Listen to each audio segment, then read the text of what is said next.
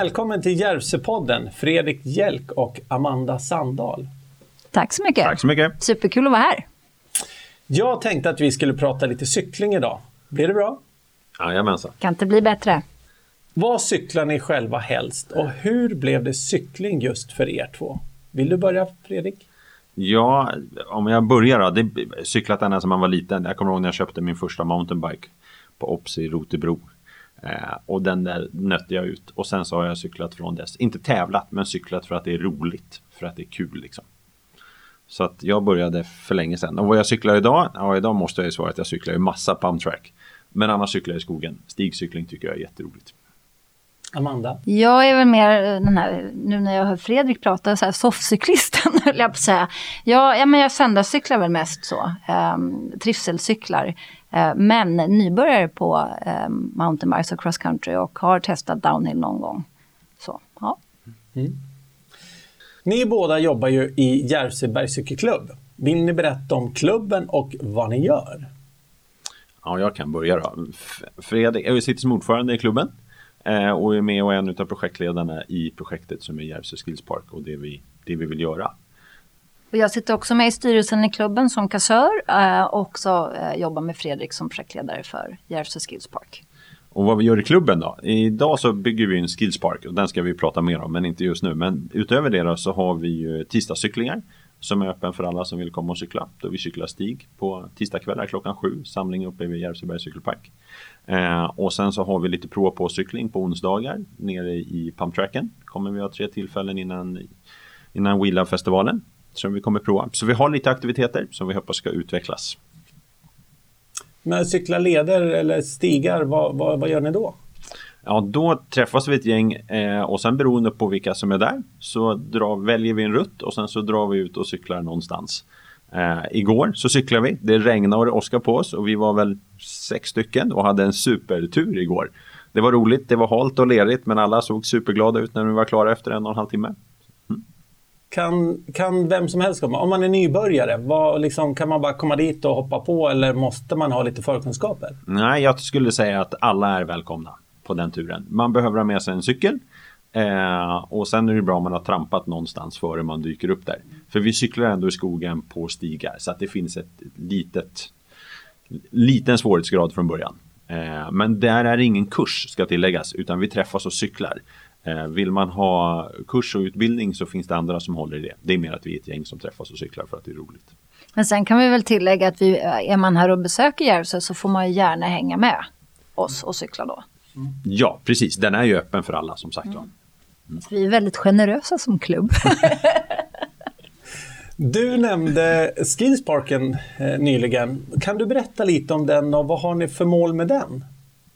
Ja, vi har ju en skillspark eh, som vi håller på att upparbeta som består av fyra olika områden. Eh, varav tre är finansierade. Det finns fyra områden i vår masterplan. Eh, och det vi håller på att bygga nu är två stycken pump tracks som blir asfalterade och sen så håller vi på att bygga ett balans och övningsområde. Eh, håller vi också på att göra. Eh, det fjärde området som vi håller på och har projekterat det söker vi pengar för, finansiering för fortfarande. Och det är ett dörtområde, ungefär som en snöpark vintertid med, med massa hopp med varierande svårighetsgrad. Eh, och fokus för den här skillsparken är ju att alla ska kunna vara där och cykla och ha roligt. Och det har vi ju fått se nu när vi öppnade pumptracken här att, att vi har, de, de kör schema här, ett rullande schema. De börjar på morgnarna med sparkcykel i 4-5 års åldern och sen så stiger åldrarna successivt ut på kvällen då de vuxna efter man har slutat jobbet är där och cyklar. Så att hittills i bana 1 så har vi nog nästan gått i mål med att det är cykling för alla. Gud vad häftigt, vad roligt. När blir hela parken färdig? Så de tre delmoment som vi har eh, finansierat och klart kommer vara klara nu i höst. Eh, 2019. Sen är ju målsättningen som Fredrik sa att vi går i mål med, med Dörten även våren 2020. Då, att då, då är vi klara med den delen. den 23 till den 25 augusti så är det en stor cykelfest i Järvsö. Kan ni berätta mer om det? Ja, det är We Love eh, som, som går av stapeln då. Vår förhoppning är ju att det kommer bli ett årligt återkommande evenemang. Eh, och det kommer börja med på fredagen med vad man kallar för Train trainride eh, genom JBP, alltså ett tåg där alla som vill kan cykla nerför och där man landar ner vid Doktorsdammen där dammplasket ehm, kommer att vara. Och då ska man alltså cykla över Doktorsdammen på en spång på snabbast tid och helst utan att trilla i vattnet. Spången är inte så bred ska nej, tilläggas. Nej, och man kan också vinna poäng på att vara utklädd. Det är på fredagen och sen så har vi pizzabuffé och en DJ som spelar uppe på Bergshotellet. Sen lördagen så har vi eh, några tävlingar för barn, Kids Race. Och sen har vi också Ljusdal Energi med och sponsrar med eh, Martin Söderström som kör tip tips och tricks för kids eh, en timme. Och det kommer bli superkul så det måste man komma och vara med på som barn. Eh, och sen så har vi, vi är ju väldigt unika med våran stora pumptrack för vi har en snake bowl i mitten. Och det, det är vi, som jag har förstått är vi de enda som har det. det finns men berätta någon... vad snake bowl är. Ja, förlåt. Nej men det får du berätta. Ska jag berätta ja, vad snake bowl ja. på det. Eh, en snake bowl är, eh, det är som fem stycken skålar som sitter ihop. Vilket gör att det finns inte en given linje utan man hittar på sin egen linje i de här. Så man tänker att man tar fem skålar, sätter ihop dem i rad så att det liksom böljar igenom där inne. Och ja. den är anpassad för cyklister. I vanliga fall så är de gjorda för skateboard så att de är lite brantare. Den här är ganska flack i kanterna så att man kan vara där. Men, men, och som sagt, vi, det finns de som har sådana liksom jämte, men ingen som har det i. Vilket vi är ju såklart jättestolta över och tycker att det här måste ju komma fram. Så att vi har ju då eh, gjort en tävling som vi kallar för Expression Session. Där då alla cyklister eh, kan få liksom visa på sin kreativitet och sina egna trick. Eh, och såklart få publiken att jubla. Ehm, men, men det är en jury som är med och bestämmer då vem som är vinnaren. Och på kvällen då så har vi eh, barbecue på JBP och sen så spelar Casper the Ghost. Också kul för det är en lokal eh, artist som, som verkligen är på framgång nu. Så det känns väldigt roligt att ha med dem.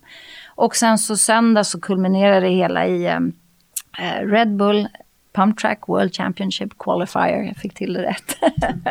en en eh, tungtvistare. Men i alla fall, då har vi ett VM-kval i, i Pump Track och det känns ju också fantastiskt kul. Men vi ska också tillägga att det här VM-kvalet är inte liksom kniven på strupen utan det är en väldigt, jag skulle säga nästan VM i social samvaro kring cykel. Alltså det är väldigt, alla som vill kan få vara med. Man måste vara 16 år och ha en cykel som har däck som är över 20 tum.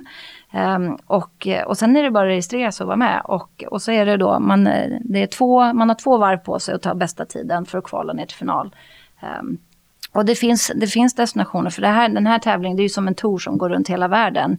Eh, och vi är ju den första eh, som har byggt en sån här bana, en Velo Solutions-bana som det är den de kör den här touren på i Skandinavien. Så det känns ju fantastiskt kul att få det här i, i Järvsö. Eh, men det ska också tilläggas att på andra destinationer är det okända förmågor som faktiskt har fått eh, komma till VM-finalen eh, genom att vara med och ställa upp på en sån här. Så att vi uppmanar verkligen alla, kom och var med för det, det kommer bli fantastiskt härligt. Och bara få säga att man har varit med i ett VM-kval är ju underbart. Och så kan vi säga att vinna, de, de fyra första som placeras på både dam och herrsidan blir inbjudna till finalen som kommer gå. Man bygger en helt ny cykelpark i Schweiz, i Bern, utanför Bern. Som vad jag har förstått på beskrivningen kommer vara bara det är en magisk upplevelse i sig. Ettan av både herr och dam, de får resan och uppehälle betalt. Det är liksom första pris. Wow. Ja, Riktigt kul. Och det är också en tävling som, som är väldigt rolig att titta på och lätt att förstå när man som åskådare. Så att, eh, om man inte vill vara med då så kan man väl i alla fall komma och hälsa, liksom och heja på och titta och ja, kanske heja på sin favorit. Mm. Mm. Vad härligt. Mm. Ja, det ser vi verkligen fram emot. Mm. Det ska bli så, så kul. Mm. Mm. Amanda, du är cykelansvarig på Destination Järvsö med projektet Cykel i Järvsö. Vad innebär det? Det, det, vi har det, det kommer ju från att jag var anställd i ett projekt som destinationen hade förut som hette Järvsö hållbar destination.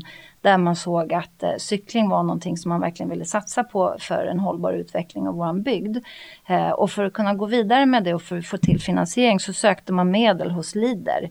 Eh, vilket man då har fått igenom. Eh, så det är ett projekt som går till oktober 2020. Och det har lite olika delmoment i sig. Bland annat så var det en, ett av momenten var att åka på en studieresa, tio personer till Skottland.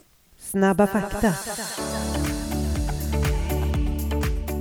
Redan i början av 2000-talet gjorde Visit Scotland en storsatsning på cykling och då främst inom mountainbike. Sju områden startade då något som kallades Seven Stains som omfattade bland annat Glentress. Nätverk med kommuner, cykelföreningar, markägare och boendeanläggningar skapades. En cykeldestination i världsklass var målet. Ryktet spred sig snabbt, såväl nationellt som internationellt, om den fantastiska cyklingen. Sedan dess har antalet besökare ökat årligen och även om många andra länder nu erbjuder konkurrenskraftig cykling så finns Skottland och Glentress alltid med i diskussionerna om var man hittar den bästa mountainbikecyklingen.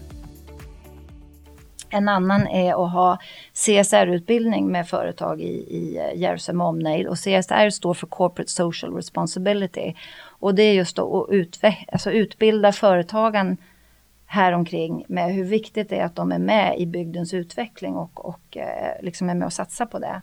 Ehm, sen handlar det om produktutveckling och där fokuserar vi väl framförallt på bed and bike som vi ser. Vi ser liksom två stora eh, utvecklingsområden för Järvsö. Det ena är ju cross country cykling och det andra är bed and bike. Och då kan vi säga att LIDE-projektet fokuserar mer på bed and bike segmentet. Eh, och sen är det då även ett samarbete Cykla Hälsingland med våra grannkommuner och eh, grannorter. Eh, och där pratar vi om produktutveckling och så pass att det ska vara liksom färdigt och köpbart så att säga på hyllan. Och målet där är att vi ska ha gemensam monter på cykelmässan våren 2020. Mm. Så det infattar det, det jobbet som jag gör där. Men jag sticker in frågan. Ja. Berätta, vad betyder bed and bike? Ja men det är mer så klassisk cykelturism kan man säga. Den turisten den tycker ju om att cykla eh, ett par mil om dagen. Den cyklar gärna till olika boendeanläggningar, gärna med så familjeägda, eh, familjeägda boenden. De vill ha kultur Alltså kultur är väldigt viktigt för dem och mat och vin och så, liksom bra upplevelser så om man säger. Inte, inte liksom sportnördar eh, om man kan säga så då. Eh, mer trivselcykling, mer min grej höll jag på att säga. Men ja, nej men ja, så det, det är bed and bike, att man cyklar mellan olika boenden. Man, man kan också faktiskt bo på ett och samma ställe men ha olika utflyktsmål eh, varje dag som man cyklar och te testa downhill eller cross country när man är här. Men, men det är ju liksom cykel är, är framgångsframfarten som man tar. Ja. Mm. Och Fredrik, du har varit sportchef i Idre. Tog du med dig någonting därifrån hit till Järvsö? Ja, det måste jag ju säga att jag gjorde. Jag var där i 14 år eh, och den sista tiden så var vi med och utvecklade sommarprodukten. Och där så, för att göra en väldigt lång historia ganska kort. Eh, vi började med 15 cyklar eh, cross country-cyklar på sommaren. Det var inte liftburen cykling utan man fick trampa runt själv. Och där började vi bygga leder. Så under den tiden som vi byggde leder så, så ökade efterfrågan. Så när jag slutade så hade vi 150 hyrcyklar och nästan byggt 15 kilometer led då, som byggde på att man trampade runt fjället både upp och ner. Och det fanns ett litet skills area, det vi håller på att bygga här och en liten pump track. Så det var ju ett mini-mini-format av det som faktiskt händer nu i Järvsö. Det var ju Mm. Så att jag har jobbat en del med det och, och, varit med och byggt en del från början. Så att, mm, jättemycket och massa andra sommaraktiviteter också. Men om vi fokuserar på cykel så har vi gjort en resa där. Amanda, du nämnde Skottlandsresan här tidigare och eh, i somras så åkte ett gäng över till Skottland för att hämta inspiration. Kan du berätta lite om resan och vad fick ni med er för nya tankar och idéer därifrån? Absolut, vi var ett tiotal personer och vi hade sett sedan tidigare att att um, destinationer som har varit framgångsrika så har man haft ett eh, liksom delad vision mellan eh, det kommunala, näringen och det ideella. Så att när vi sökte våra pengar hos Leader så, så sökte vi så att tio personer skulle kunna åka med representanter från de här olika tre delarna. Eh, och programmet då var, första dagen så var det ju resa dit och sen så hade vi ett möte med eh, borgmästaren för det området. Vi, vi besökte Glentress som är eh, en av de ska säga, mest utvecklade destinationerna i Skottland. Och då ska man tillägga att Skottland, man har satsat på mountainbike för att utveckla glesbygden där och det genererar idag 3 miljarder i omsättning så det är en väldigt intressant eh, utveckling för våran bygd att titta på. Eh, men då hade vi i alla fall möte med eh, deras borgmästare för, för det här området och sen även för projektledarna inom eh, Development Mountain Biking in Skottland. Och sen så även deras marknadsförings, ja, deras motsvarighet till destinationsbolaget. Så vi satt i konferens med dem på eh, hela eftermiddagen och sen så på lördagen så var det en festival som vi besökte och inte bara besökte, vi var faktiskt volontärer så att jag hade bett att få um, olika platser uh, som vi kunde så att vi skulle kunna liksom, ta med oss olika lärdomar hem. Ehm, så det gjorde vi på lördagen och så besökte vi själva festivalen. Ehm, och sen söndagen så var vi ute och cyklade då med en av de här projektledarna från han som är, är ytterst ansvarig för Development Mountain Biking in Skottland. Ehm, och det var ju ovärderligt att bara liksom ha dialoger med honom och hur de har tänkt och hur de har pratat, liksom, vad de jobbar med och hur de ska fortsätta utvecklas. Och sen så på den kvällen hade vi en utvärdering av, av liksom hela resan då. Och sen så på måndag morgon så åkte vi hem. Eh, så att det var intensivt, otroligt bra, väldigt bra möten. Ehm, och det, det, vi fick med oss hem var ju då så här, vikten av samverkan med, mellan kommun och näringen och det ideella. Det verkligen framgick där hur viktigt det var eh, för att liksom komma i mål. Eh, det som, som de sa också hela tiden var så här, don't forget the cake. och då menar de på det här liksom det sociala, att det är liksom den ryggraden i det hela. Att lokala ortsborna som cyklar som sen fikar efteråt på något sätt. Att det blir, liksom, det, det blir inbäddat i DNA på något sätt. Att bor man där så cyklar man. Och, och, och det framgick också väldigt tydligt och klubbens betydelse där då. De har ju då mellan 350-400 ungdomar som rör sig varje helg sedan de drog igång det här. Eh, sen har man också sett eh, att, eh, alltså man har ju sett sån, så ökad folkhälsa.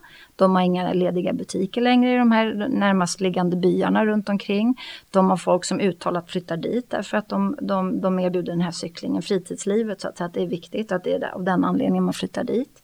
Um, det som de också påtalar, så liksom man frågar vad har ni missat om man säger så, vad, vad, kan ni skicka med oss? Och då sa de vikten av att ha en masterplan, liksom tänk till innan hur ni ska bygga, vad är det som behövs och vart ska ni sätta saker och ting. Och återigen, där var liksom vikten av cake, att ha det här sociala uppsamlingsområdet var jätteviktigt. Um, Sen har man ju där, man har ju gått ut nu med en, alltså en uttalad nationell strategi för, för Skottland eh, upp till 2025 där man säger vad man ska utveckla och, och, har uttalade mål. Som dels är ju folkhälsan, få folk att cykla mer i vardagen som att cykla till skolan och sådana saker.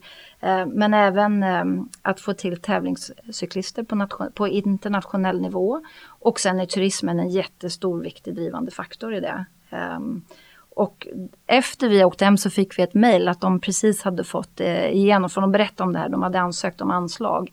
De har fått igenom, satsar nu 19 miljoner pund på att utveckla cyklingen vidare i det området. Eh, och det är alltså motsvarar 241 miljoner kronor bara i det området, Scottish Borders, där vi besökte. Så att cyklingen är ju otroligt viktig för dem som bygdeutveckling. Så superintressant för oss. Ja, sen kan jag väl tillägga liksom det som styrker mig ännu mer i, i den här övertygelsen om att cyklingen är så viktig på alla fronter. Vi har ju även varit och besökt Trysil. Eh, och där hade man ju utflyttning, folk hade svårt att få ett runtjobb och sådana saker. Där bestämde man 2016 att man skulle gå in och satsa 25 miljoner på cykling. Och, ehm, eller 2013 bestämde man det, 2016 öppnade man Mountain Bike Cross Country-leder. Och 2018 så hade man 53 000 cykeldagar på dem. Man omsatte 136 miljoner kronor och man har skapat 78 nya arbetstillfällen. Och man ser att de som bor där rör sig mer. Man, alltså det är win-win-win på, på alla fronter, eller på säga. Ja. Så, ja. Ja, det är ju fantastiskt och, med, den här faktan som kommer så ser man ju att det är verkligen win-win-win ja. hela vägen. Ja men absolut och det är väl det som gör att men jag är så engagerad i det här. Jag har ju även bott i, i Whistler i Kanada i 12 år där, där cyklingen också har exploderat. Eh, jag bor eh, som sagt i Whistler, en, en välkänd skidort. Som nu, ehm, där, där cyklingen, sommaren har faktiskt gått om vintern med, med vad det betyder. Och där som lokalt boende, det är liksom det man gör, man cyklar. Och om det är cross country eller om det är eh, utför eller om det är landsvägscykling. Eller som jag, söndagscyklar. Så är det liksom det, är det jag, mina barn cyklar i downhill och cross country. Så jag, är liksom, jag har varit in, ja, jag har fått det liksom därifrån också. Men, men ja, det är liksom inbäddat i DNA.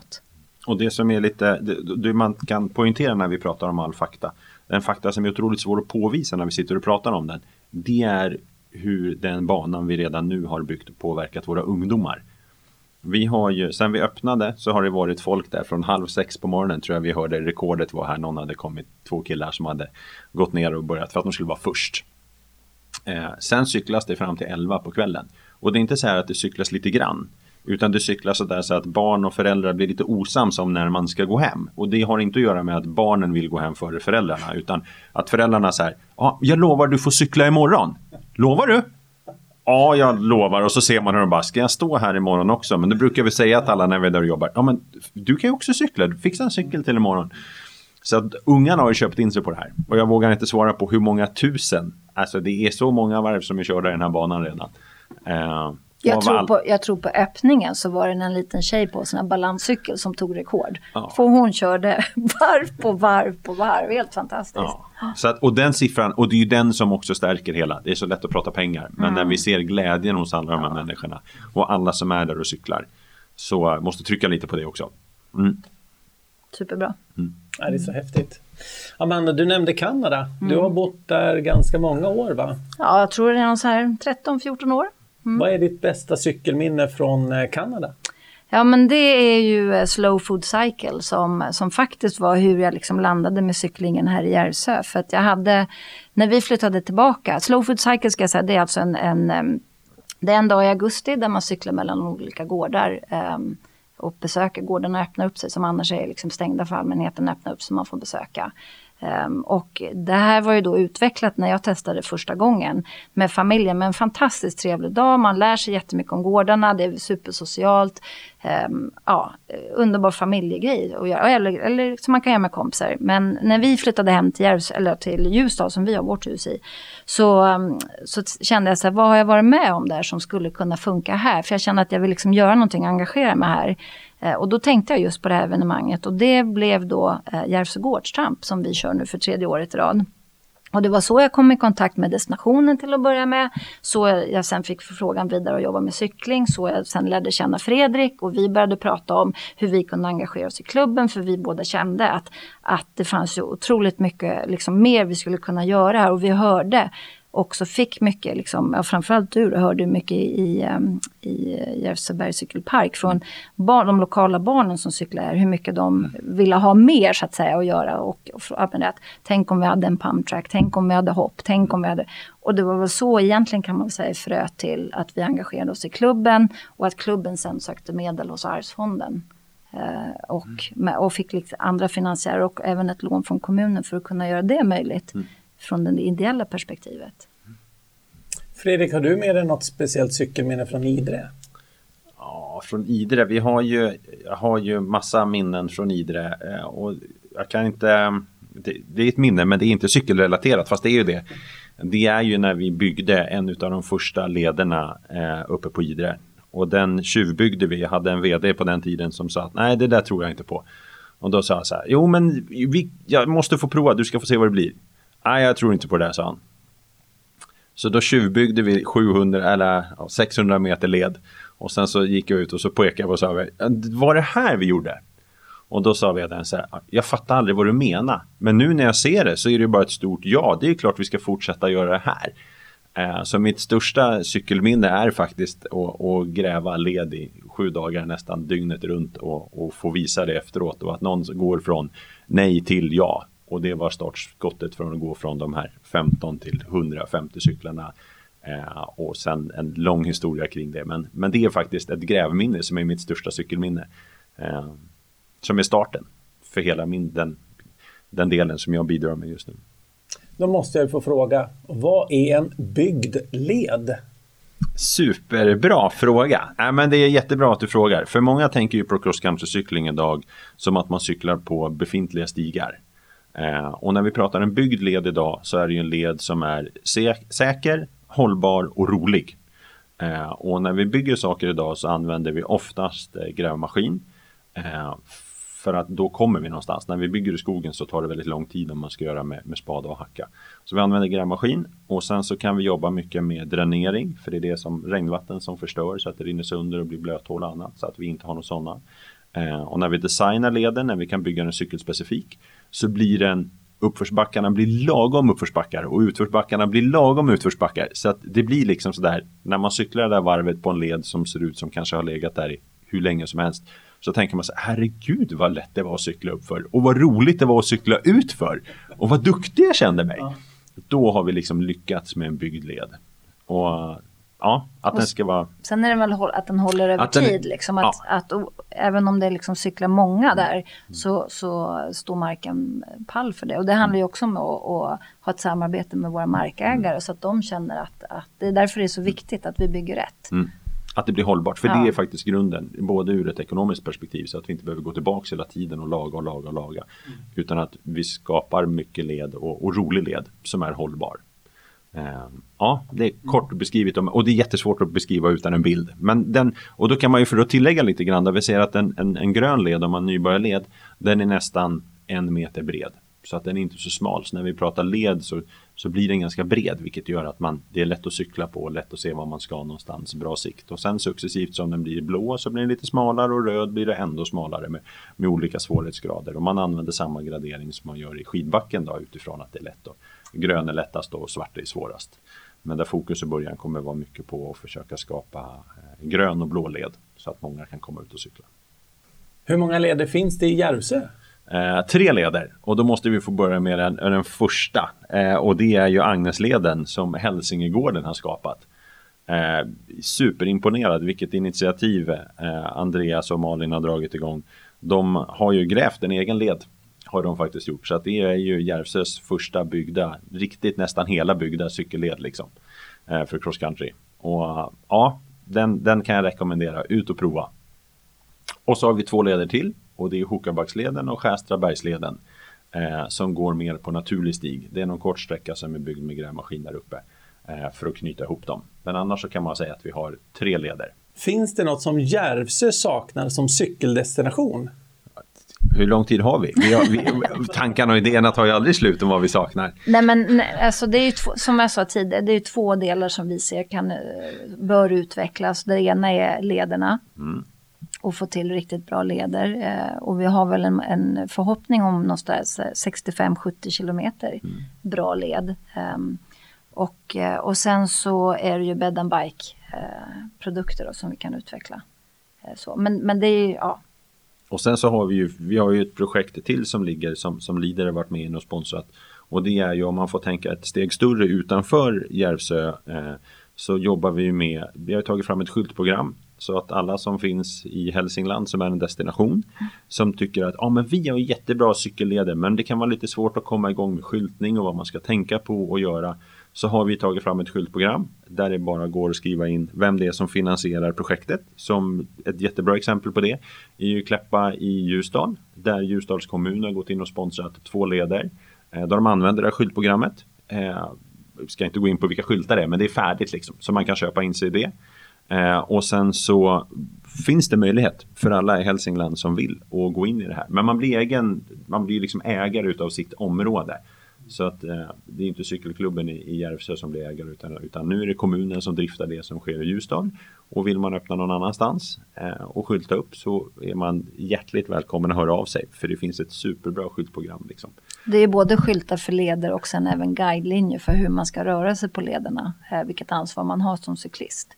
Eh, och hur vi kan dela våra leder för vi är fler som kan använda lederna samtidigt. Både om man eh, vandrar eller springer eller, eller cyklar. Då. Och hur man ska mötas på led och lite så. Och då ska det tilläggas till det här också att då tänker någon där så här, oj det där lät dyrt. Men det är till självkostnadspris. Ja. Man betalar för skyltarna och är det så att man vill eh, komma hit och prata och fråga och fundera så, så löser vi det. Vi försöker se till så att det blir mer cykling faktiskt i hela, hela Hälsingland. Ja men och vi tänker så här att ju mer som erbjuder bra cykling ju fler cyklister blir det och ju mer liksom, det, det vinner alla på. Så att ja, det är vårt motto. Kul! Och, och kanske dyker upp en, eh, en klubb för landsvägsracercyklister också framöver. Ja, det finns ju en klubb i Ljusdal. Ljusdal har ju en cykelklubb eh, som är både mountainbike och landsvägscyklister där de där träffas och cyklar. Eh, så det finns ju jättefin cykling för landsvägscyklister och- också i Hälsingland. Faktiskt många fina mindre trafikerade vägar som de, som de vill ha. Sen här är vi ju gravel, är också en, en ny typ av cykling som kommer. Man har utvecklat en ny, eh, en ny cykel kan man väl säga. Som är landsvägscykling fast som tål att cykla på grusvägar också. Och då tänker jag att, att ju längre norrut man kommer i vårt land. Alltså cykling är ju väldigt utbrett söderut just om man tänker bed and bike. Men, men ju längre norrut man kommer med den här gravelcyklingen så öppnar det ju upp fantastiska möjligheter för utveckling. Nu har vi kommit till, eh, till den del i avsnittet där vi ska lyssna på en fråga som kommer från vår tidigare gäst. Och det var Robert och Viktor från Historie från Hälsingland som har ställt den här frågan till er. Ja, det är ju så att när vi har eh, grävt runt och kollat på lite olika sägner och så, så har vi märkt att det är ett väsen som speciellt förekommer i Järvsötrakten och det är ju troll. Och många av dem bor ju uppe på Öjeberget vad vi har förstått. Så vi har väl en liten fundering, hur ser det ut idag? Eh, är det något troll på Öjeberget? Gör de något väsen av er? Har ni hört något om dem? Hör gärna av er. Eller så får man då lyssna på på Järvsöpodden här och eh, ja, höra om de har något att berätta om något trolltyg uppe på Öjeberget. Ja. Jag tänker så här att om du kommer fyra på morgonen till klubbens pumptrack så finns det ju stor chans att du träffar på trollet som bor där under, eller vad säger du? Ja, vi har ju troll. Vi har ju en katakomb här under som vi har hört att det emellanåt ekar där inifrån. Vem är det som cyklar i min bana? Och vi är lite osäkra. Vi har inte sett något. Vi har sett fotspår när gräset var nylagt så såg vi vi som hade gått på fel ställe. Men så var det någon mer som hade varit där och klafsat. Så att ja, vi ska låta det vara lite osagt vem det är som bor där ja, under. Men, men något, något form av trolltyg ja, verkar det ju det pågå det där. Ja. Men som sagt, vi har ju sagt det är cykling för alla så trollen får väl passa på när inte vi är där. Ja, det är så välkommet. Ja. Och det har inte hänt något mystiskt uppe på berget när ni cyklar så på väg ner eller något sånt? Nej, oförutsedda punkteringar eller något sånt? Nej, det ska jag inte säga. Jag tror de är väldigt cykelvänliga våra troll här. Ja, jag tror ja, de gillar att cykla. De, är för de tycker oss. det är så kul själva så de förstår varför vi gör ja. det. Nej, igår när det regnade och åska så var det, kändes supertryggt genom hela skogen. Så mm. det var lugnt.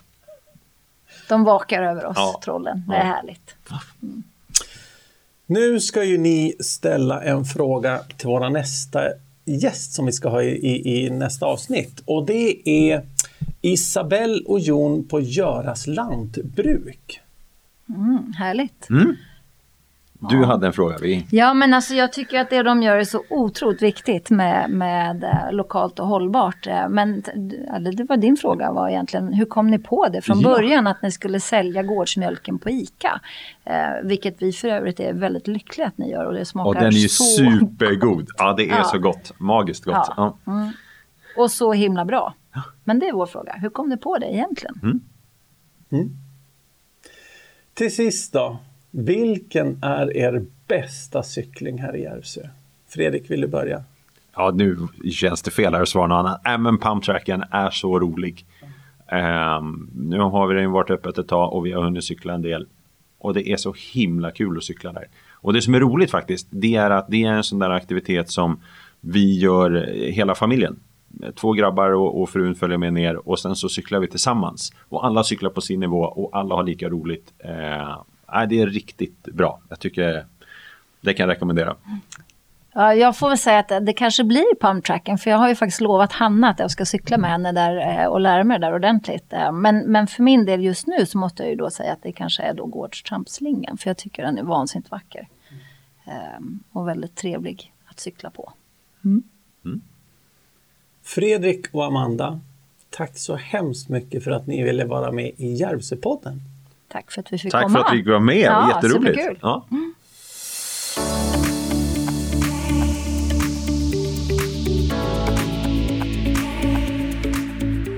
Järvsöpodden.